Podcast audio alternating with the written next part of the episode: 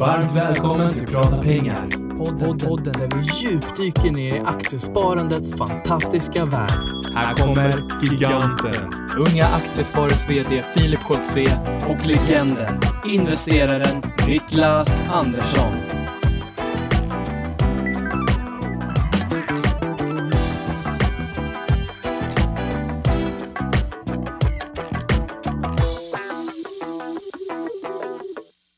Då säger vi äntligen måndag och varmt välkomna till eh, podden Prata pengar, avsnitt 44. Och idag Niklas är det live igen. Vi sitter här en måndag morgon, samma dag som det släpps. Jajamän, tid är pengar. Vi kan inte börja spela in alldeles för långt ifrån. Nej, exakt. Det händer ju så jäkla mycket nu på, på börsen så att man vill ju vara så uppdaterad det bara går. Mm. Nej, inte riktigt därför. Vi tycker de här fredagarna är ganska bra, men det, nu har det blivit lite omständighet så får, får det bli måndag. Och det går det också. Mm, eller hur? Ja, Ja. men morgontrött, det är man ju. Ja, men det är helt okej. Eh, för, för en vecka sedan så var det ju eh, eh, samma sak att vi satt här en måndag morgon, men då körde vi också uppesittarkväll på kvällen. Eh, vad, vad tyckte vi om det? Nej, men det var en ny erfarenhet och var väldigt roligt. Ja. Vi, eh, det gick ju bra också. Det var väldigt många som var med från åtta när vi körde igång. Japp. Eh, Och jag tror att, tror att det tog en 35-40 minuter innan vi tillsammans hade blivit största trend på Twitter återigen. Det var nog, eh, har det gått så snabbt någonsin? Jag tror inte det va? Nej. Nej. Nej, så det gick väldigt fort och det var otroligt roligt. Så man, jag satt uppe till ett, halv två när jag kom hem på natten Mm. där och, och, och eh, scrollade igenom flödet. Man Mm. ville se vad, vad som hade skrivits. För att vi satt ju bakbundna, vi satt ju på Exakt. scen så vi kunde ju inte se i realtid vad som skrevs. Nej. Och för de som inte vet vad vi pratar om nu så, så körde vi första uppesittarkväll live från nyhetsbyrån direkt. Så mellan eh, 8 och 10 på kvällen då så kunde man eh, hänga med när vi satt och, och snackade aktier i, i två timmar på, på YouTube. Mm, och har man sett det där får man jättegärna komma med återkoppling också hur vi Jättegärna. kan förbättra det. Ja. Eh, I och med att vi, man får väl kanske säga att det där var någon form av pilotavsnitt och sen så vill vi ta det, eh, eller vidareutveckla och vidareförädla konceptet. Exakt så. Och vi fick en kommentar, vi fick massor med kommentarer, men det var en som jag tyckte var lite extra rolig. Eh, från Mårten Berglund under hashtag prata pengar som han skrev då. Tack för en fin uppesittarkväll igår. Är vi fler som tipsar blir vi än fler nästa gång. Och det tyckte jag var roligt. Eh, för någonstans är ju det här, eh, ska vi kalla det en folkrörelse uppesittarkväll? Det, det, det liksom det är ju inte du och jag. Du och jag blir, vi skojar och sa att vi är lite språkrörarna för det bara. Eh, Men det sprids ju av eh, alla tittare och alla som hänger med och det tycker vi är jättekul. Mm, så nej, men det, sparande har väl åtminstone möjlighet att bli en ny folksport. Eller en folksport återigen. Återigen. Mm, för det var ju lite grann på 80-talet med allemansfonderna när det kom igång. Och ka- kanske lite runt millennieskiftet också. Ja, den lilla parentesen. Ja, är det är lite så. Börsen gick ju faktiskt upp 1000% på 80-talet, men sen så devalverade vi ju ett flertal gånger också. Vi fick ju faktiskt inte rörlig eh, växelkurs förrän 92 när, Nej. när det föll. Så, Ska vi förklara det begreppet? eh, växelkursen? Alltså, ja, och devalveringen, vad, vad är det som händer då? Ja, du kan ju ha ett antal olika valutaregimer. Du kan ju ha antingen fast växelkurs där man säger att valutan kommer kosta sig så här mycket mot de andra valutorna, så får man skydda det som centralbank. Eller så kan man ha en flytande växelkurs och då är det ju utbud och efterfrågan eh, som, som sätter priset. Hur många som vill köpa kontra hur många som vill sälja. Och där brukar man ju säga att det skakar till lite grann i Sverige om vi säljer JAS Gripen-plan, för då är det ju någon som eh, i det här fallet ska betala i svenska kronor. Mm. Och säljer mycket av sin egen hemvaluta och köper väldigt mycket svenska kronor för att kunna betala. Ehm, så att det är ju den valutaregimen vi har i dagsläget då. Mm. Helt klart. Exakt. Och eh, apropå uppesittarkväll så hade vi en av de här eh, eh, gästerna som vi hade, för vi hade väldigt många gäster och vi jobbade ju liksom i kvartar kan man säga med lite olika moment. Och ett av de här momenten som vi hade var ju att vi hade besök av Nicolas Cortes Loma som är jurist på Aktiespararna som pratade lite om uppköp.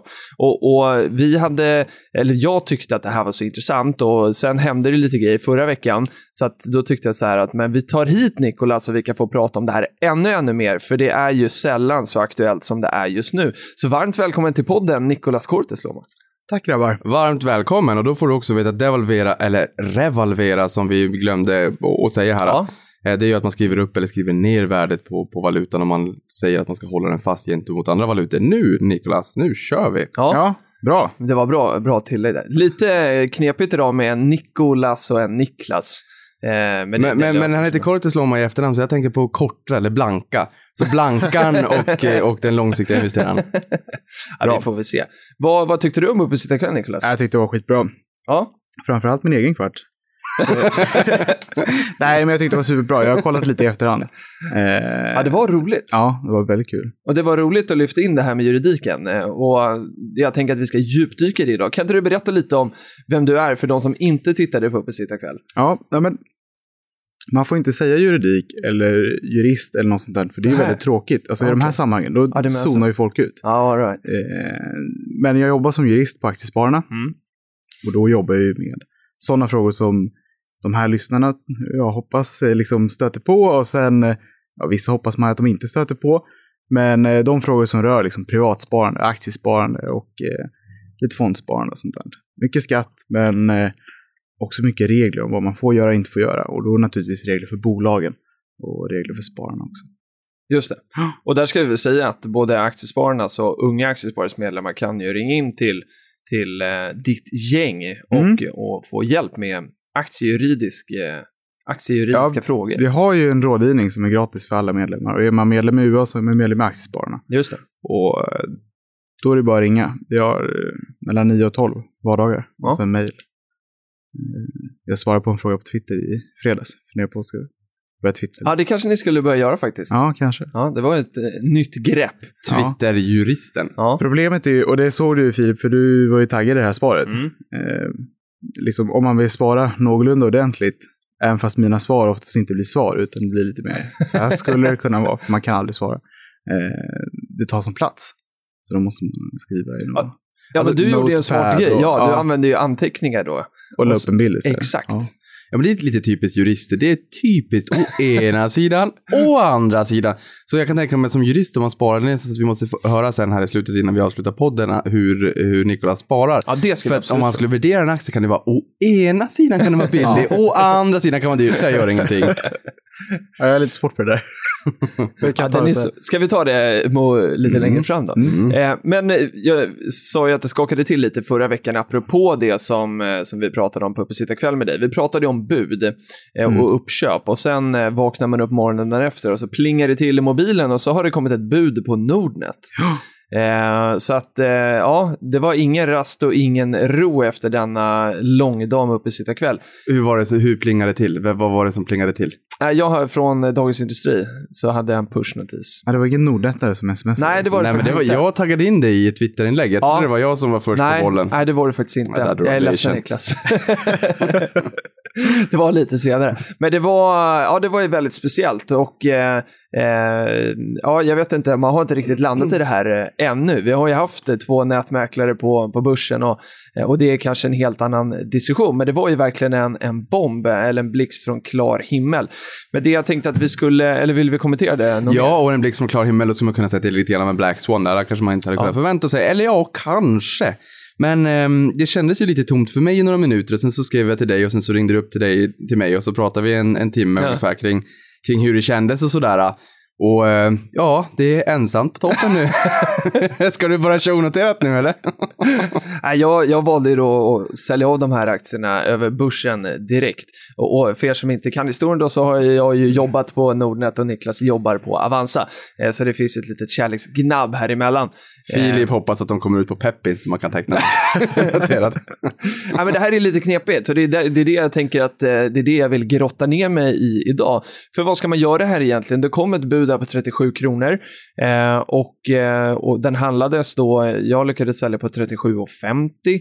Eh, vad är det? Börs då. Över börsen, Ja. exakt. Och där får man väl säga att 37,50 borde ju någonstans indikera att det finns en, en liten tro kanske bland investerarna att det kanske kommer ett, att man höjer budet lite grann. exakt. Eh, fast egentligen så är det ju bara en solklar budgivare, det är just ägarfamiljen. Ja. Så att just den här 37,50 är ändå lite konstigt. Ja, jag tyckte att det var det. Och eh, jag, jag, jag kände så att jag, för jag har aldrig haft en aktie någonsin som har fått ett bud på sig. Så att, eh, så att jag, jag tänkte att så här, nej, men nu, nu gör av med det här. För att det kommer, jag, jag tror ju ändå att det kommer gå igenom till slut. Eh, och, och kanske inte bli en budstrid just av den anledningen att det finns en så stark ägare bakom. Men, men jag har ingen aning och jag tänkte att det är här vi vill liksom bolla in Nikolas någonstans. Vad, vad är det här med bud egentligen? Mm. Eh, finns ju flera typer av bud, men det här är väl egentligen så att sen tidigare har ju en av budgivarna här, det är ju Öhmangruppen Mm. och eh, Nordic Capital. Mm. En av eh, huvudägarna, alltså Öhmangruppen lägger nu bud tillsammans med Nordic Capital. De har, har ju 62 Någonting, någonting, procent av bolaget sedan tidigare. Så det är ett lite annorlunda bud. Och Filip, du säger att det är första gången eh, du äger aktier i ett bolag som får bud på sig. Det är nog ganska många aktieägare som är med om det här första gången när det kommer till Nordnet. Ja. De andra bolagen, då kanske är lite... Ja, men många som äger Meda nu, de kanske ägde Pharmacia förut, som fick eh, uppköpserbjudanden på sig från Pfizer. Man har varit med en gång och man vet liksom det tråkiga som kan hända och det bra som kan och sådär. Men det är nog många nya nu. Eh, men det här budet är ju då för att Nordic Capital tillsammans med Öhman, de eh, känner att de vill ju äga det här helt själva. Man motiverar det på något sätt med att de investeringar som krävs för infrastruktur och, och eh, produkt och allt vad det nu är, de investeringarna görs bäst i privat miljö. Punkt. Och eh, kan vi bara stanna upp här, är inte det här ett, eh, ett jätteproblem för börsen? Alltså vår älskade börs där vi handlar våra aktier. Finns det inte ett problem med att, att noterade bolag känner att, att den miljön är inte bra för den här fasen av ett bolag? Alltså, bra fråga. Ändå har vi, ändå, vi har ändå bolag som också noterar sig därför att det är lättare att göra investeringar. Mm. Oscar. Properties för något år sedan, de var ute och sa att vi får bättre lånevillkor om vi går till börsen för att det är mycket bättre insyn. Så då har de lättare att växa liksom, organiskt. Mm. Men de här ägarna anser väl att nej, men, eh, det är lättare för oss att skjuta in kapital eller vad vet jag. Mm. Eh, Och sen är det, det är ju två bolag, jag menar, det är ju Avans och Nordnet har ju hela tiden jämfört sig mot varandra och då, då går man ju från ett läge där Nordnet befinner sig i en ringhörna av börsens bolag och går till en annan ringhörna. Från att liksom ska vä- växa or- organiskt på egen hand, man ska kunna dela ut en del av vinsten till aktieägarna till att man säger att mm, nej, nu kommer vi ta en investeringspuckel, vi kommer be- befinna oss och gå in i en cykel där, vi, där det kräver större investeringar för att eh, komma ikapp rent teknologiskt gentemot vart de kanske vill vara idag. Och då är det nog förmodligen bättre att göra det i en onoterad miljö där man kan fokusera helt och hållet på att ta hela kassaflödet och återinvestera i verksamheten. Och jag är inte helt säker på att börsen och investerarkollektivet hade blivit så glada när ett bolag går från att, att ha ett karaktärsdrag, en personlighet, till att helt ö- gå över till en annan. Ehm, Det är, tror jag, en annan sak om ett bolag från första början går in på börsen med de här förutsättningarna. Men att, att befinna sig på Nej, börsen precis. och ändra skepnad, det, det vet inte jag riktigt om. Ja, men det hade ju varit intressant. Alltså för någonstans så här, ja, men jag, jag ägde bolaget för att jag har jobbat där, jag känner bolaget väl.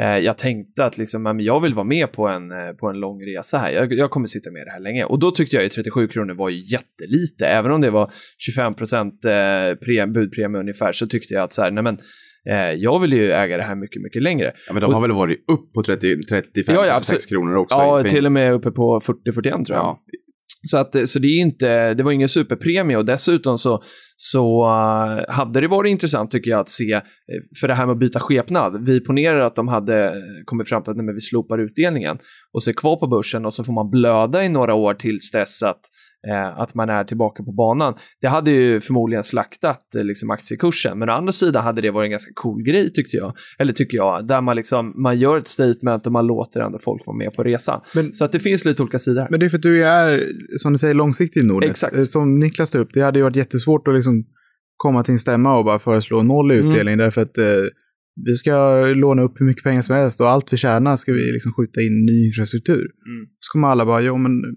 Min utdelning ja exakt. Ja, och det räcker ju faktiskt med att, att en person äger en Ja. enda aktie och är lite stollig, vilket man har sett ibland på, på vissa stämmor, och ställer sig upp och hoverar eh, på, på stämman och man får mediebevakningen på sig. Jag tror att man kan jobba mer i lugn och ro Ja, på sin absolut, egen kammare och fokusera på det som är viktigt Absolut. för bolaget framåt. Så är det. Eh, Men lite tråkigt måste jag ändå erkänna att det är. Eh, Mm. Nikolas, om vi tänker då så här, när, när eh, man får läsa då i, i nyheterna på morgonen att nu har det kommit ett bud på mitt bolag. Hur fungerar den här processen och vad är viktigt att tänka på som aktieägare? Det som är problemet eller det tråkiga är att all info kommer inte samtidigt som den här pushnotisen kommer. Nej. Så man eh, får ju vänta på lite grejer. Men eh, numera så innehåller pressmeddelandet i alla fall liksom väldigt mycket information. Mm. Så det första man bör ta reda på är liksom, okej, vad erbjuds jag? Och då är det jag förstår ju att det är mina Nordnet-aktier de vill ha. Eh, Och jag har förstått att det är 37 spänn. Eh, Så det är pengar i alla fall. Mm. Och det här pratade vi om lite i, i förra veckan också, Mm. mm. uppesittarkväll. Alltså att man måste titta på vad själva erbjudandet är. Ibland är det så att man inte bara får cash, som i det här fallet. Ibland kan det vara att man får eh, 30 spänn plus den här aktien, eller plus en viss andel av aktien. Så, Just det. sådär. Eh, Och det har vi sett i, i Meda här i år i alla fall, som ett hyfsat färskt exempel, där Mylan gick in och, och lämnade ett uppköpserbjudande. Men eh, ja, vill du fråga Niklas? Nej, jag tänkte bara säga att Meda ser jag överallt, för jag ser den där Treo-reklamen överallt, vart jag än tittar på, i busskurer etc. ja. Börsen på stan. Ja, eh, men eh, titta på vad man får. Mm. I det här fallet 37 kronor. Men det finns ju massa andra villkor också. Mm. Eh, det kan vara hur många procent av alla aktier måste de eh, få tag i för att de ska vilja fullfölja det här. Mm. Så det, ibland kanske det inte hänger bara på dig. det- Ibland hänger det inte bara på vad, om du är beredd att sälja, utan det hänger på att de andra också ska vilja sälja. Just det. Så eh, För tid- vad är eh, de generella reglerna där? Vad behöver man för att liksom kunna köpa ut bolaget? ja, egentligen så är det mest bekväma att kanske ha allt. Mm. Eh, Det näst mest bekväma är att få över 90 procent. Och det kan vi komma in på sen. Mm. Och sen så kanske det är 66 procent eller något sånt där. Eller för vissa, det här hänger ihop med aktiebolagslagen. Vissa grejer krävs det att du har två tredjedelar av rösterna för att pusha igenom. Mm. Eh, Men helst vill man ha liksom 90 procent, nio tiondelar. Mm. Och det har att göra med att då kan man enligt lag tvinga de andra aktierna, ägarna, att lösa in sina aktier.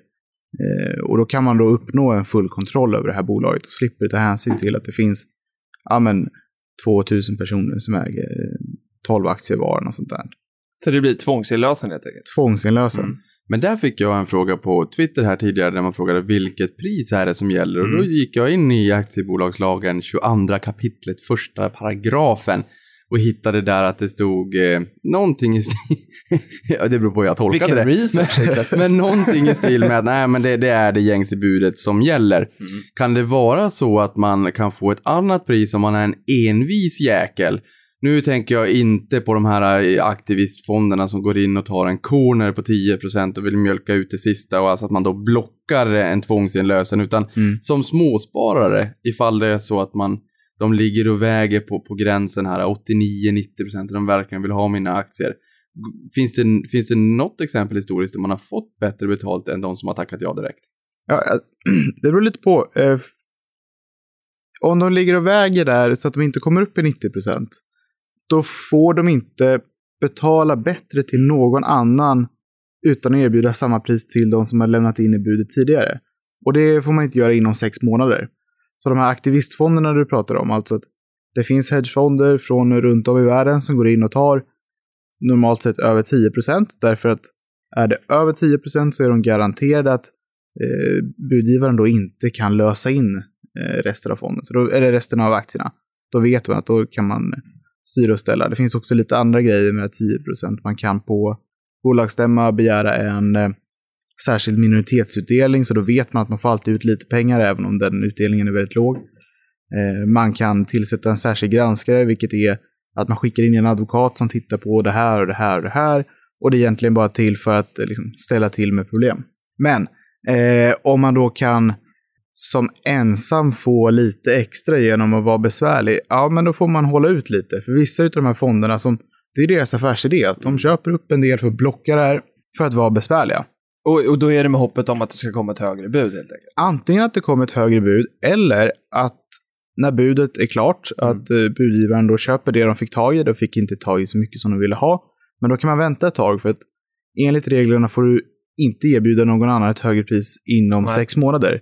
Så efter sex månader, då kan man få, då kan man få lite extra. Och det såg vi här i IFS. Mm. En amerikansk-brittisk hedgefond som heter Elliot som köper ja, men 11 procent eller något sånt där av IFS. Eh, och så säger man att ja, vi har haft en jättebra dialog med, med tror det var, rätta mig om jag har fel, Bure? Nej, strunt samma. Ja. Vilka som köpte ut eh, IFS. Mm. Eh, I alla fall, vi har sett en jättebra dialog med huvudägaren och sådär om hur vi ska utveckla det. Och sen pang, när det har gått eh, sju månader, ja men då får man mycket bättre betalt. Kliver man av.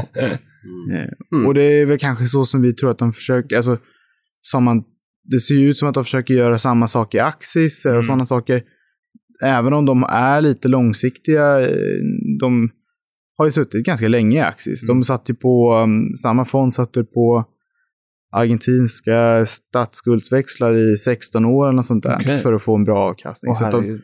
De, De vänt, de- de, väntar ju på pengarna. De kan Eh, ha tålamod. Ja, Ja, för där kan jag tänka mig, när jag ser Axis, det ser jag allt som oftast i tunnelbanan, de här eh, kupolerna uppe i taket, Mm. mm. övervakningskamerorna.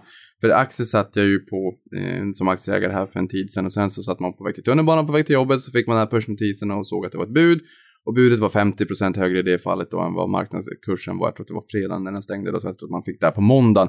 Och där tog ju Elliot Capital 10% och sen så handlas ju den här på börsen fortsatt också. Det är väl en, kanske en, en pytte, pytteliten free float, alltså en pytte, pytteliten Mm. del av aktierna som, som handlas på, på börsen. Men vad händer där i sånt fall om det är så att jag köper aktier direkt över börsen? Elliot Capital säger till, till, eh, till Canon att ah, ni får köpa vår, aktierna som är kvar. Då, då hamnar ju jag ju i kläm om det är så att jag har köpt några, lite aktier i, i Axis. För då, får, då har de ju möjlighet att begära tvångsinlösen. Kan jag då säga att ja, men då får ni köpa mina också? Eller du menar jag att eh, för det fall du är de som sitter kvar med aktier nu, Exakt. Mm. eh, efter att budet har gått ut. Ja, ja, men det här som är det intressanta. För du nämnde någon paragraf och sa att eh, i tvångsinlösen så får man eh, budkursen. Liksom.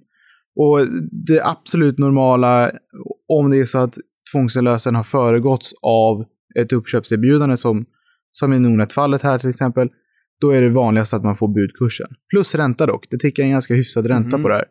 Eh, från det att det påkallas eh, tvångsinlösen. Jag tror det är Ja, men just nu är det runt 2 procent eller något sånt där.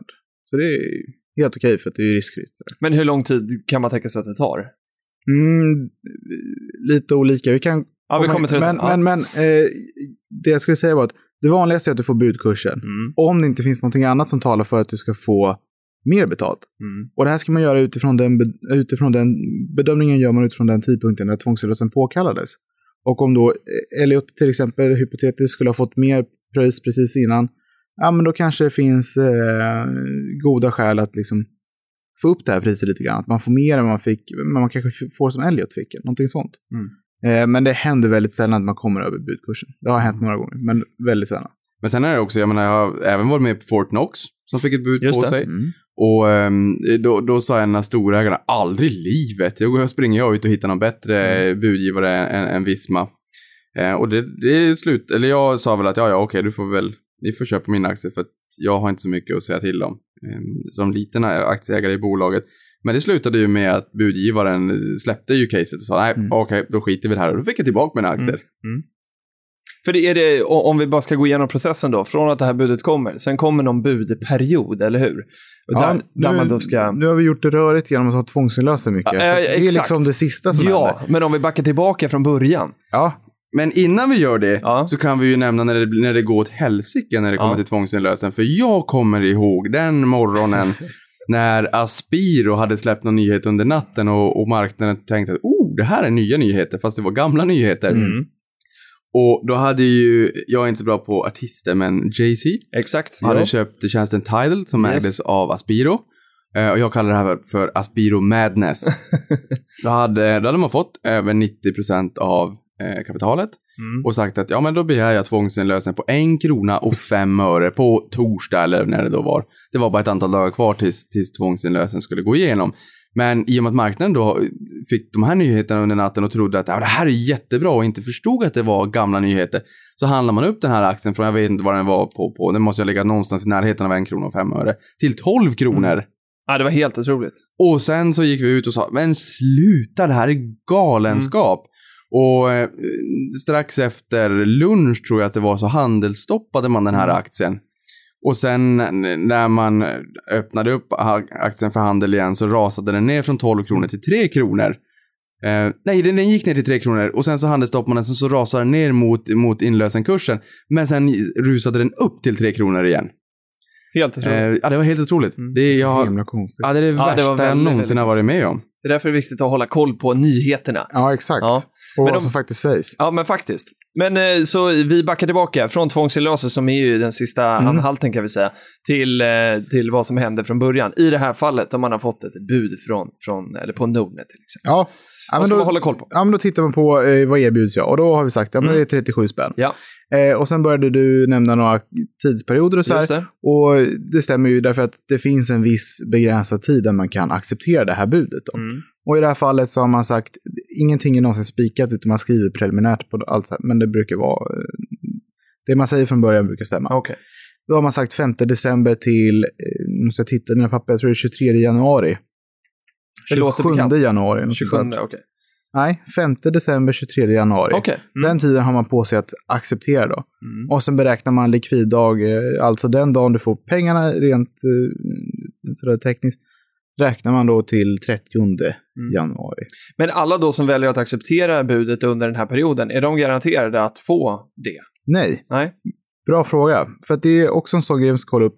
Det är ett av villkoren. Varje gång man erbjuder, eller lämnar så här offentligt uppköpserbjudande, då säger man på de här villkoren. Mm.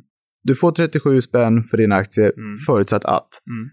Ett villkor i det här fallet är att de får ihop 90% av alla aktier. Och då är det 90% av aktierna i bolaget och eftersom att ja, men, eh, ja, man sitter ju på 62% sen innan och Nordic Capital har ju på inför det här köpt på sig 4,8 och sen köpte de 4,7 dagen efter. Något sånt där. Eh, Och det här skjuter man in i sitt gemensamma bolag sen. Då. Men ehm, så vad har man då? Ja, men strax över 70. Just det. Ja, så det krävs ju att eh, ja, men minst ja, men ungefär 20% till av alla aktier Mm. i bolaget då ska lämnas in i budet. För att det ska kunna bli För att det gå igenom. Och det, säger, det, det här kommer man då säga, det finns inte någon erbjudna handling Nej. eller prospekt ska det. Finns inte färdigt, men det framgår av pressmeddelandet i alla fall, så det vet vi nu då. Mm. Ehm, och det här är då... Sorry. Nej, det är ingen fara. Nej, jag har varit hostig helgen. det här är då ett krav för att eh, de ska gå igenom, men de kan ju välja att skita i det kravet. Så anta att de får ihop 85 procent. Mm. Ja, då kan de säga att ja, men vi kör ändå. Ja, de- okej, de kan göra som de, De vill. kan frånfalla Ja. det. Ett annat vanligt krav, eh, som, det är ett vanligt krav att ha 90 procent som spärr. Mm. Och det är därför att då kan man begära avnotering och eh, tvångsinlösa resten väldigt smidigt. Eh, och Ja, det, du måste ha 90 för att kunna avnotera alltså? Nej, jag Nej. tror faktiskt inte du behöver ha 90 för att avnotera, men Nähä. för tvångsinlösen behöver man det. Ja. Eh, men därför sätter man 90 bara, för att då blir allting jättesmidigt. kan man göra allting i ett paket. Sådär. Men det skulle ju kunna vara en, eh, en, om det inte krävs 90 utan att kanske att det är en lägre nivå då, eh, så skulle det alltså kunna bli ett fall där bolaget avnoterats eh, och så får man helt plötsligt onoterade aktier då. Mm, absolut. Jag försökte kolla på det där i morse, men jag kunde inte hitta någon särskild gräns för avnotering. Nej. Lagen är uppbyggd som så att normalt säger man majoritet, alltså mer än hälften. Eh, av de avgivna rösterna. Mm. Det behöver inte vara alla röster. Nej. Strunt samma. Eh, men sen finns det särskilda regler. Jag hittar ingen särskild regel, Nej, så okej. då måste du tolka det som hälften. Och, och det här måste också vara svaret på frågan om varför ett, man i det här fallet när vi säger, visste att eh, familjen Dickersbil i det här fallet äger mer än hälften av Nordnet, varför det inte räcker. För att de har ju redan majoritet och då har det alltså med, med de reglerna, särskilda reglerna att göra att det finns andra nivåer för att kunna Ja, till exakt. exempel tvångsutlöselse. Och jag tolkar det som att, eller jag har alltid tolkat det som att det är 90% av kapitalet och inte rösterna som gäller när det kommer till tvångsinlösen. Stämmer. Ja, kan du förklara skillnaden, Nicolas? Ja, eh, I Sverige har vi ju olika klasser av aktier. Alltså A-aktier och B-aktier är det vanligaste. Det som man får göra enligt lag nu då, är att man får ha olika många röster per aktie. Mm. Så det vanliga är kanske att man har en A-aktie som har 10 röster och sen har man en B-aktie med en röst. Eh, det finns större skillnader. Kan nästan sätta pengar på att Niklas kommer slänga in några exempel här. Men jag vet att huvud... SCB, Ja, SCB. Huvudstaden tror jag har mm, huvudstaden. 100 på sin C-aktie och en på A-aktien. Ja, det är så där. Ja, det är jätte... Handels, eller SCB har tusen, en tusendel på C-aktien. Oj. ja. Eh, och så får man inte göra längre. Men har man haft så sedan tidigare Aha. så behöver man inte ändra det. Jag tror att det var 1953, 1950 någonting. Efter 1950 får man inte, är det generellt så att man inte får ge ut C-aktier. Eh, Okej. Men sen kom ett SAG med en D-aktie. Jag kanske skulle kunna tänka mig att köpa en Ö-aktie.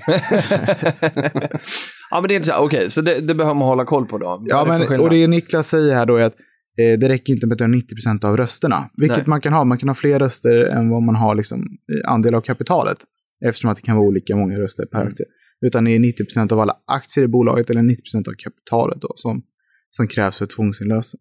Men Sen får man också lägga in en parentes där, för jag, är- jag, jag är lite osäker på om jag har, har sett något bolag som har emitterat en C-aktie i närtid. En D-aktie, det vet jag i alla fall, det är ju Sagax. Nej, och där kanske man kan säga att reglerna kanske inte gäller vad aktien ska heta, utan snarare vad, det ska vara för skillnad i, i, i rösträtt. Eh, Men vad får man... Vi ser på andra sidan Atlanten, Google gjorde ju en C-aktie, Mm. så kallar de det capital stock. Då. Eh, Jag tror att Facebook ska göra något liknande nu. Jag förstår inte varför Sagax ska ha en D-aktie. Nej, jag vet inte.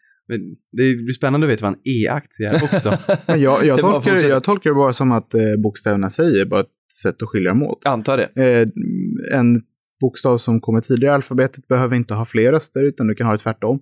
Det enda som sägs är att förhållandet får inte vara att någon har tio, mer än tio gånger mer än någon annan. Så du kan ju ha A, B, C, D om du vill, så har de liksom en, två, fem och tio röster, eller vad, vad som helst. Det går att göra lite hur man vill tror jag.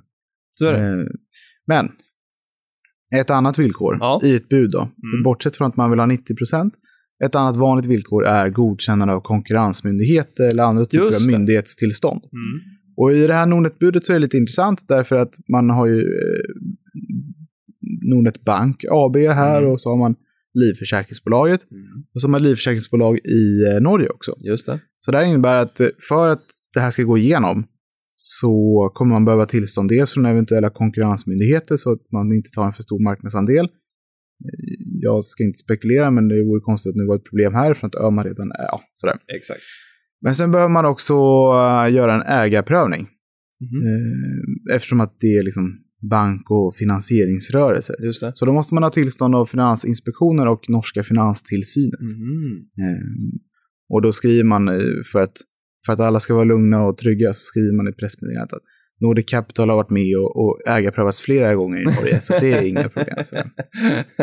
Man vill bara lugna lite Ja. grann. Nej, men anta då att... eh, att eh, Men är det bara formalia eller finns det någon liksom... Tittar man på att det finns vissa tillstånd eller liksom vad är det? Nej, det är, jag ska inte säga att det är bara formalia, utan eh, som nu till exempel i halldäcksbudet, då vet vi ju att man kommer behöva liksom göra en ganska hård prövning av Knorr Bremse som har lämnat bud på halldäcks, för att Knorr Bremse och halldäcks, de pysslar med ganska lika saker. Ja, då kommer det vara någon konkurrensmyndighet som måste titta på, blir de här för stora på marknaden? Mm. Så det är inte alls formalia. Och nu i det här fallet, eh, då kanske det inte blir konkurrensfrågan, utan skulle det vara någonting så skulle det vara det här om de är lämpliga som ägare. Just för det. att du måste ha viss erfarenhet, du måste ha visst kapital, sådana saker. Just det. Men eh, det borde inte vara något problem. Eller de säger att det borde inte vara något problem. Vi väntar på en slutknorr på knorrbränslebudet. Ja, verkligen.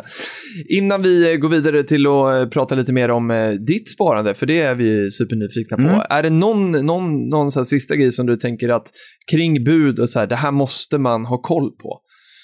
Eller känns det som att vi har jobbat igenom det här tillräckligt?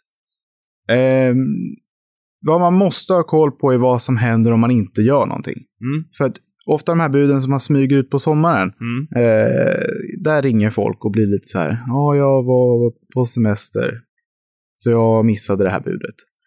Är det så att man inte accepterar det här budet, Mm. och, eh, eller om man inte, som du gjorde Filip, säljer i marknaden, Mm. då kan det vara så att om de får ihop 90% så får, kommer de att tvångsinlösa resten. Ja. Eh, För den som gillar att läsa kan man läsa sig till oftast hur de ställer sig till det här. I pressmeddelandet säger man nu att så snart som möjligt så ska man begära tvångsinlösen och avnotering. Mhm. Så att ehm, då sitter man med aktier som kommer att tvångsinlösas. Mm. Och kortfattat, tvångsinlösen innebär att huvudägaren säger att dina aktier ska vi lösa in för vi, vi vill inte ha kvar dig som ägare. Och då blir det naturligtvis... det lät hårt. Ja, men det är lite harsh.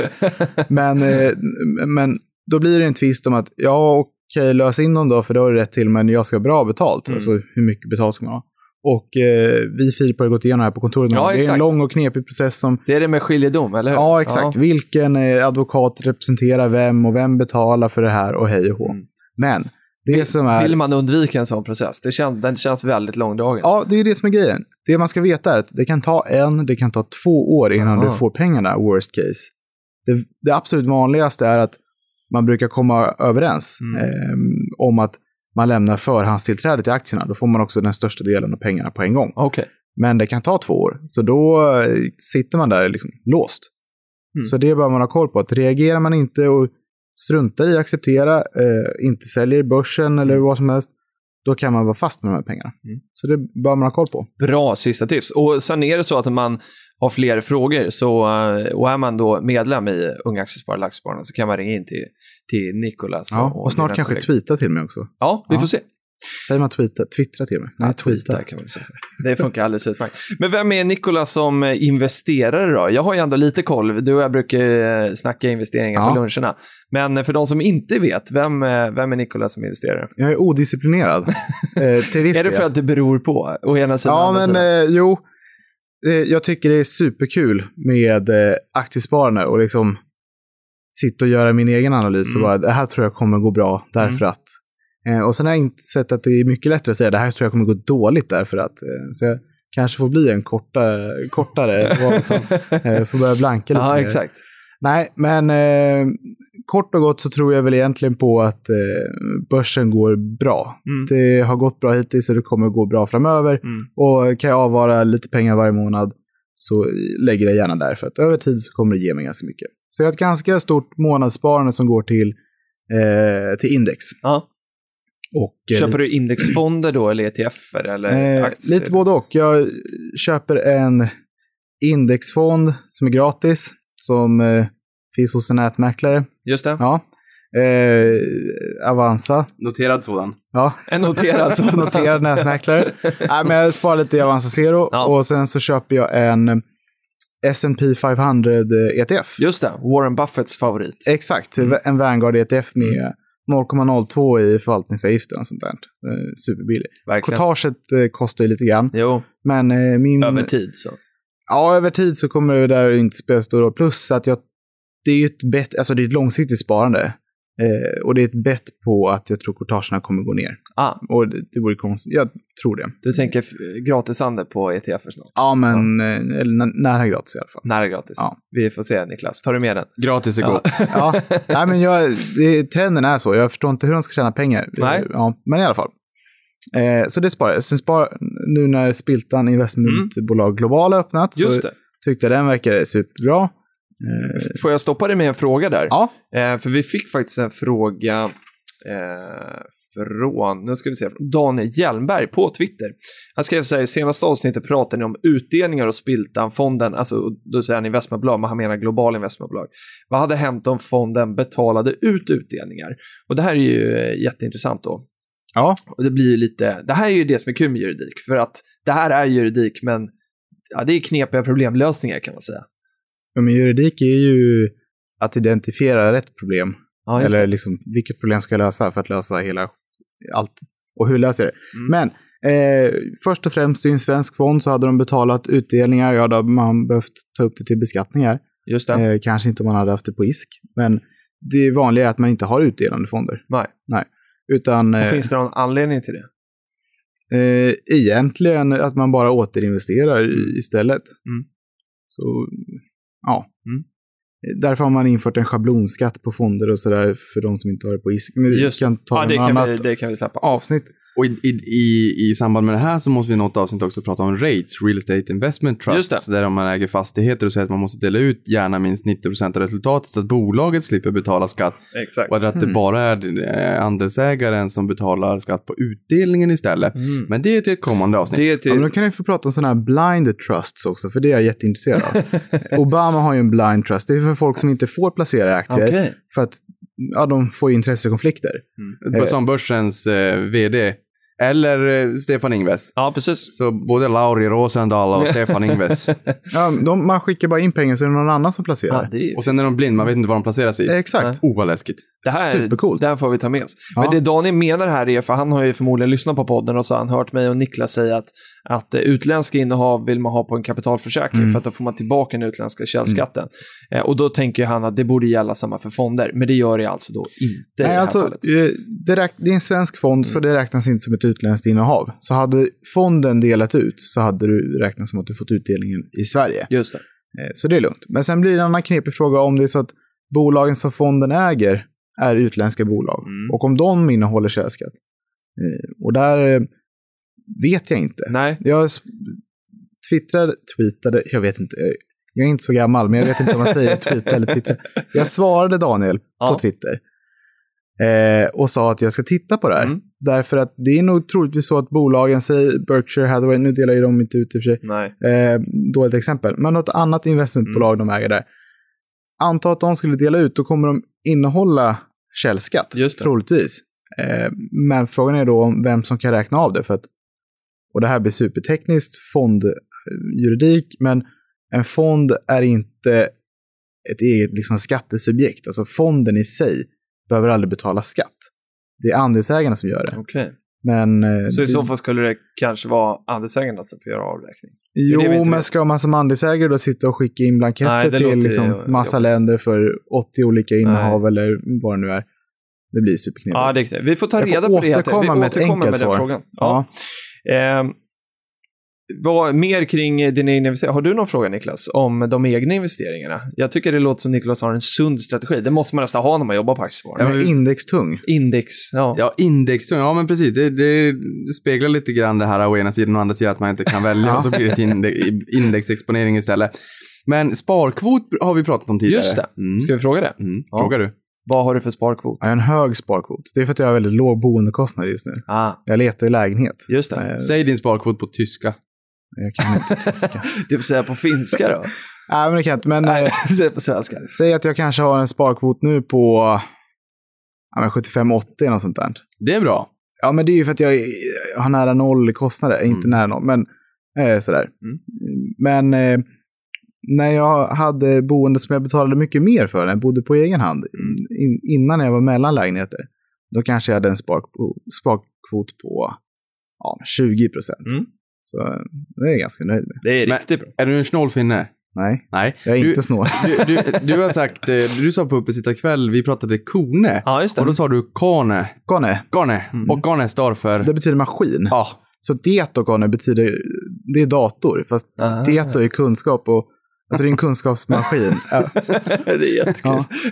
Det hade varit kul om Teta la ett bud på Kone då helt enkelt. ja, exakt. Det hade varit kul. Eller om vi hade pratat pengar på finska någon gång. Ja, just det. Då ska jag bara Ah. lära mig finska. Ja, vi också.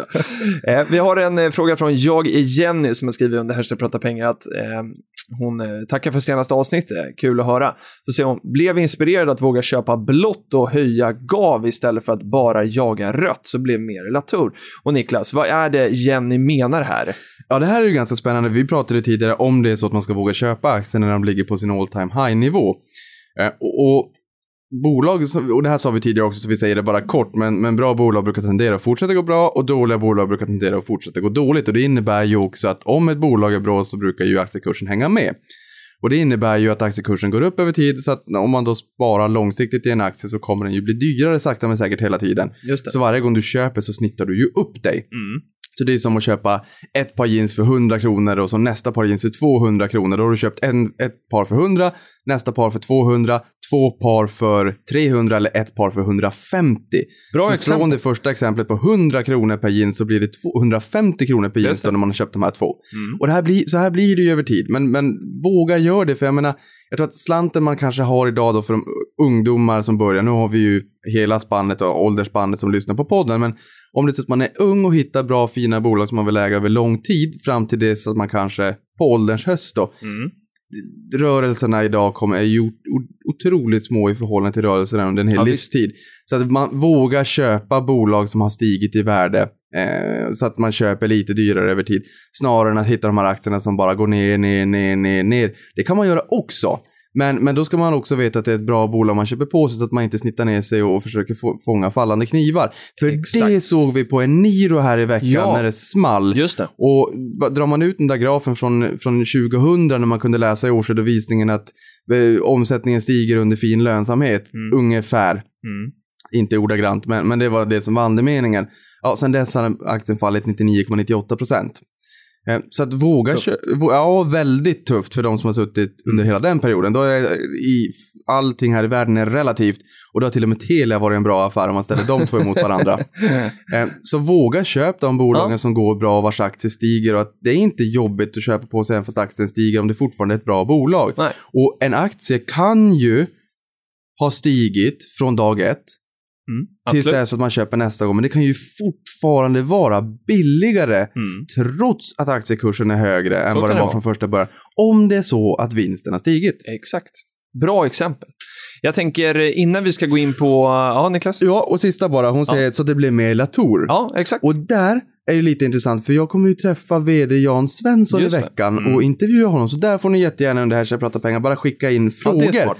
Därför att Latour är ett spännande bolag. Jag har inte portföljen själv. Har du? Det har jag. Har du det Niklas? Jag har Nikolas haft. menar jag. Jag har haft. jag, favoriserar mitt eget namn. Niklas, du har haft. Det här är ett Jag ångrar bolag, att jag såg det. ja, det här är ett bolag på sin egen hemsida som skriver att man har levererat över 75 700 Ja, procent det är sedan otroligt 85. Mm. Det är strax under, art, eh, strax under 20 procent om året. Jag tror det var 18, jag tror att det blir 18 procent om året. Om jag inte är ute och, cyklar. Det är makalöst fina siffror. Det är riktigt bra. Så där är vi lite nyfikna på vad, vad, den, vad hemliga konceptet är. Ja, och hur framtiden ser ut. Innan eh, det är dags för nyhetssvepet så skulle jag vilja att Nikolas svarar på en fråga som har kommit från Dr. Deo eh, under hashtag prata pengar och han säger så här. Det pratas mycket om fonder och avgifter. Vad är en rimlig avgift och vad räknas som hög slash låg avgift? Det här är intressant. Superintressant. Mm. Jag har försökt svara på samma sak i, i veckan här, eller Ja. fundera på samma sak. Eh, vad jag landade i är att man måste jämföra liksom, fonderna relativt andra liknande fonder. Just det. Eh, det kanske är lite missvisande att titta på, på snittavgift ibland, men ligger du under snittet så borde det vara billigt. Mm. Eh, jag ser att många storbankerna börjar sänka sina avgifter lite grann. eh, Så AMF i någon tv-reklam säger sänkt avgift för två miljoner kunder. Alltså. Exakt. Eh, och det kanske är för att man vill bli billig eller för Ja. att man inte vill vara dyr. Jag vet inte. Nej. Men eh, om jag själv får tycka Mm. så tycker jag väl att eh, är du under, om vi börjar med indexfonder då, Ja, så har vi ju gratisalternativ. Mm. Eh, men så kan, kan det finnas liksom indexfonder som inte är gratis men ändå hyfsat billiga. Och där tycker du att allt under, ja, ska jag säga, 0,2 kan sträcka mig till 0,3 men jag måste. Och då pratar vi svenska indexfonder. Sverige indexfonder då som, som är tillgängliga för småsparare har en snittavgift på 0,36 tror jag. Mm. Eh, eller 0,34 kanske eh, har ändrats till nu då. Eh, och då tycker jag kanske allt under 0,3 kan man väl säga är billigt. Eh, och ligger du upp till 0,4-0,5 någonstans så är det i vart fall inte dyr. Nej. Sverigefonder, eh, eller aktivt förvaltade fonder under småbolagen och sånt där, eh, ja då kanske upp till... Vad ska vi dra till? Ja, men då kan 1, ju- ja, 1 till 1, 2. Mm. Men finns det några bra tips för hur man kan hitta den här, det här snittet? Eh, för då kanske man kan liksom eh, hitta sin kategori och så kan man se vad är snittet för de här och så kan man dra sin, sin egen slutsats. Ja, ja, men absolut. Eh, Jag använder mig av morningstar.se, alltså bara hemsidan. Så väljer man i sökverktyget där. Mm. Då kan man filtrera ganska mycket. Eh, ska man välja, ja, men det ska vara tillgängligt för småsparare för att det är dumt att jämföra mot de här institutionella, eller fonderna som bara tar in stora institutioner för att de kanske dunkar man in eh, men, flera hundra miljoner åt gången. Så då kanske man får lite rabatt. Ja. Men, men eh, man väljer småsparare, man väljer vilken marknad man vill ha och då får man upp ett snitt på avgiften. Bra tips! Nu, eh, Niklas, är det dags för nyhetssvepet. Får se vad det innehåller, för det hände så mycket förra veckan. Ja, ja till att börja med kan vi väl säga att eh, Melker Schörling eh, lämnar alla sina uppdrag. Det sa vi i och för sig på Öppetstadskvällen. Vi såg det Ja, det som en, en pushnotis i mobilen när vi, när vi poddade förra veckan, men vi glömde helt enkelt bort att säga det. Ja. Så vi säger det nu. Eh, en finansman som har gjort väldigt mycket för svenskt näringsliv Mm. eh, och av personliga skäl och hälsoskäl lämnar alla sina uppdrag i, till våren, till vårens stämmor. Yes. Sen har vi Mastercard som handlas på ATH-nivåer, alltså all time high-nivåer efter att ha stigit 2300 procent sedan IPO, eller börsintroduktionen då 2006, det är tio år sedan. Eh, Och där kan man väl säga att i Sverige så tenderar ju kontanthanteringen att minska i allt, Mm. i allt högre grad. Vi har Swish och vi har, eh, ja, banköverföringar går ju lätt också, men Swish använder man väl mångt och mycket. Sen har ju, eh, tar ju alla kort överallt. Eh, Men det räcker med att åka kanske till Tyskland eller USA och inse att det här med kort det är ju ett helsike. Och, Mm. Men det har och- gått bra för Mastercard i alla fall. Alltså. Ja, Mm. och, och även visa, de äger ju infrastrukturen. Mm. Så det har gått bra för dem. Då kan man ju alltid fundera om det kommer fortsätta gå bra eller inte, men, men det har i alla fall gått bra hittills. Och sen Dagens Industri skrev om Swedish Match som har lyckats förränta 10 000 kronor till 300 000 kronor på 20 år. Och det är ju 18,5 procent om året, vilket är fantastiskt fina siffror. Det är fint som snus. Eh, fint som snus. Jag har ju sagt att man behöver 15 procent för att fördubbla kapitalet vart femte år. Just det. Jag äger inte Swedish Match, jag tycker inte om snus. Även fast jag är norrlänning, så det är väl, i, i den anledningen kan man väl säga att alternativkostnaden har ju varit ganska hög. Det får man säga. Sen eh, vet jag att folk brukar säga till mig, ja men Niklas du kan ju äga bolaget för då får du ju en ersättning från de här odogliga prillorna man kan få under skon ifall man råkar trampa på Ja, någon på sant, stan. Sant. Så, så kan man ju också tänka. Så kan man tänka. Sen har vi varit in lite grann på kurskollapsen i Eniro. Ehm, och där kom man ju med rapporten för tredje kvartalet, intäkterna föll 18 procent och sen så aviserar man ju också för sannolikheten att man inte klarar kovenanterna. Mm. Och kovenanterna är de villkoren som är uppställda från långivarna och i det här fallet då bankerna. Och eh, ja, de, eh, vi skulle kunna ha kovenanter i, i vårt hushåll, säger vi. Om jag går till Mm. banken skulle man kunna säga att ja, men du ska ha en, en inkomst på den här nivån, du får bara ha en, en belåning på den här nivån, i din övriga ekonomi får du bara ha den här skuldsättningen. alltså. Ja, och du måste kunna ha x antal pengar kvar i disponibelt efter att du Mm. betalar dina räkningar på x antal gånger räntekostnaden och ja, men villkor helt Mm. enkelt. Och där sa man att vi kommer mest troligt inte klara av att betala våra amorteringar. Och det här är ju väldigt jobbigt för de som sitter i Eniro. Ehm, och det är lite, lite grann där vad, vad man ska göra och förhoppningen kanske är att man hinner lyckas lösa det här innan våren för att stamaktien föll 25-26 procent någonting men preferensaktien föll desto mer. Mm. Jag tror att den stängde ner på minus 56 Oj. procent. Och en preferensaktie ger ju dig förtur till utdelning men om det Mm. inte finns pengar att betala utdelning Då blir det ingen. Ja, då blir det ju lite jobbigt. Mm. Och vi har ju mångt och mycket pratat om preferensaktier i, i podden tidigare och Mm. där har vi varit in i mycket på fastighetsaktierna. Men Eniro är ju lite en udda fågel och har ju även SAS varit. Nu har ju SAS klarat sig. Mm. Men eh, det här är ju väldigt tråkigt för de som, som har suttit på Eniro. Och som sagt, den är ner 99,98% sedan år 2000. Ehm, så att affärsmodellen Tuffa kanske inte riktigt håller. Nej.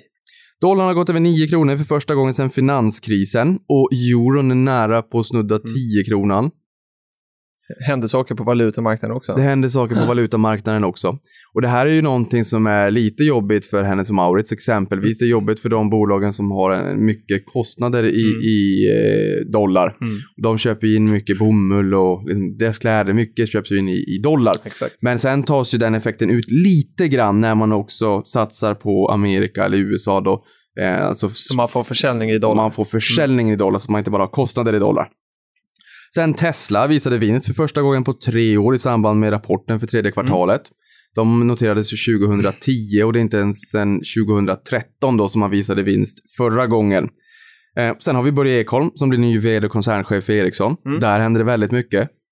Supertydligt eh, statement från, från Investor då att, att man är eh, långsiktig ägare. Börjar komma ha en lång eh, historia inom Wallenbergsfären. Mm, han var ju vd för Investor tidigare, eh, innan Johan Forsell. Och han har ju det här eh, citatet också som jag gillar då. Eh, det- är ju Magdalena Andersson kontra Börje Ekholm. Magdalena Andersson säger att man ska amortera på bostaden och Börje Ekholm säger att det, den största risken långsiktigt är att stå utanför marknaden och jag gillar ju kanske mer det sistnämnda då. Ja. Sen matkriget trappas upp. Uber lanserar Uber Eats i Stockholm. Ett Mm. hundratal restauranger är anslutna och leverans sker, ska i snitt ta 34 minuter. Man Ja. får ju en liten stek i Uber då via Google. Just det. Och sen eh, har vi även Holdings på Holdings ägartjänsten då på, på Twitter. MF Underline Holdings. Jag tycker de lägger ut rätt intressanta grafer till och från. Och här ser man relationen mellan börsvärde och andel fondägande i small caps. Och det intressanta med den här grafen som jag ser, men som ni inte ser, det är att när ett bolag börjar nå upp till ett marknadsvärde på 5 till 700 miljoner, Mm. där ser man en hockeyklubbseffekt.